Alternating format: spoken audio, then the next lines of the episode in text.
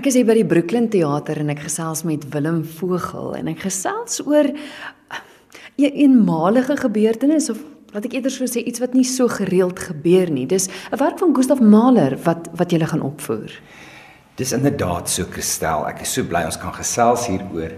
En nou ja, dis das lied van die aarde en dit moes eintlik Mahler se 9de simfonie gewees het. Hy wou dit nie so noem nie as gevolg van die feit dat daar 'n hele paar komponiste oorlede is na die skryf van hulle 9de simfonie. 'n Hele paar van Mahler se simfonieë bevat ook wel stemme, het sy soliste of 'n koor essensieel deel van sy oeuvre. Mahler was iewers behep met die dood en verganklikheid. Die komposisie is geskryf na die afsterwe van sy oudste dogter en na die diagnose van sy hartprobleem wat hy ervaar het as 'n doodsvonnis.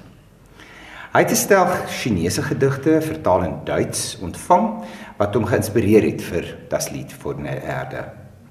So skryf hy dan ses toonsettings van die gedigte wat eintlik die sogenaamde ses bewegings van die 9de simfonie vorm. In hierdie gedigte word daar ook gekyk na 'n groot spektrum van ervarings hier op aarde, naamlik elke luim word gedek vanaf besope hedonisme tot diepsinnige zenagtige introspeksie. Die finale boodskap is uiteindelik dat die skoonheid en die misterie van die aarde telke male hernu word. Ons eie ervaring van hierdie lewensreis behoort kalm, vreesloos en sonder wrevel aanvaar te word. Jy het dalk gesien ons bemark en die beeld van ons plakkaat is die aardbol wat draai. Hiermee koppel ons ook sommer die element van aardbewaring wat deesdae so aktueel is aan hierdie grootse projek. Das lied van die aarde word beskou as een van die groot meesterwerke uit Mahler se pen. Daar is 'n groot aantal opnames van die werk deur van die wêreld se mees beroemde sangers. Nou ja, die finale lied is 'n 30 minute lange meditasie oor afskeid. So gaan dit oor in 'n dodemars en eindig tot tog positief waar die teks ons vertroos dat die aarde maar altyd sal voortgaan, dat die lente weer en weer terugkeer vir altyd, vir altyd. Komponiste soos Arnold Schoenberg het hulle dikwels besig gehou deur aanpassings te maak vir kleiner ensembles van belangrike werke. Dit is gedoen omdat daar 'n aanvraag was daarvoor. Dis interessant dat Schoenberg se verwerking van Das Lied von der Erde dikwels uitgevoer word. Daar bestaan ook 'n hele paar opnames daarvan, net so ook met die siklus Lieder eines fahrenden Gesellen wat ook in hierdie program aangebied word.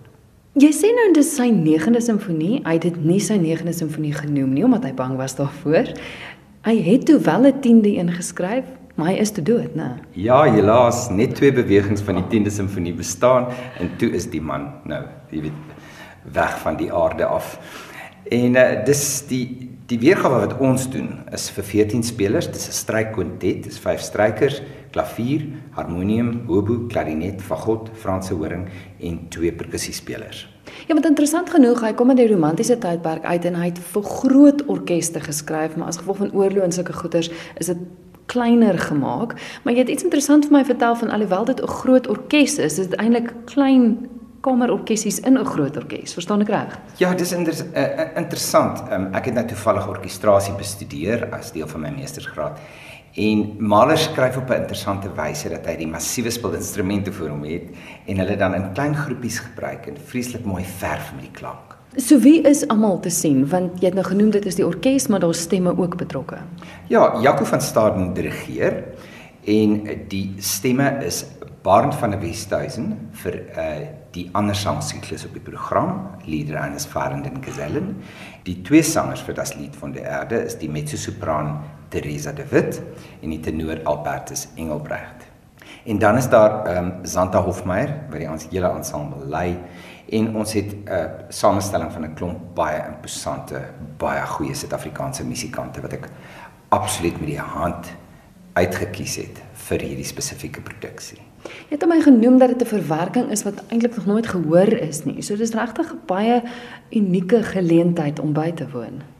Dit is inderdaad so, buiten dat dit ongelooflike treffende musiek, baie roerende musiek is en die ouens wat van Mahler hou, gaan definitief mal wees hier hoor. En jy maak dit ook gehoor vriendelik, dit word wel in Duits gesing, maar daar is onderskrifte. Ja, daar's Engelse subtitels vir al die gedigte. Dis pragtige, pragtige uh, gedigte. Uh, Chinese aanvanklik en dis toe vertaal in Duits en dit is hoe uh, Mahler daarop afgekom het. Goed, belangrikste van alles, die datum en tye.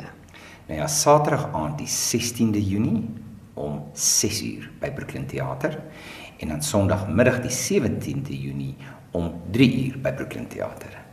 En besprekings? Besprekings www.brooklyntheater.co.za of 012 460 6033.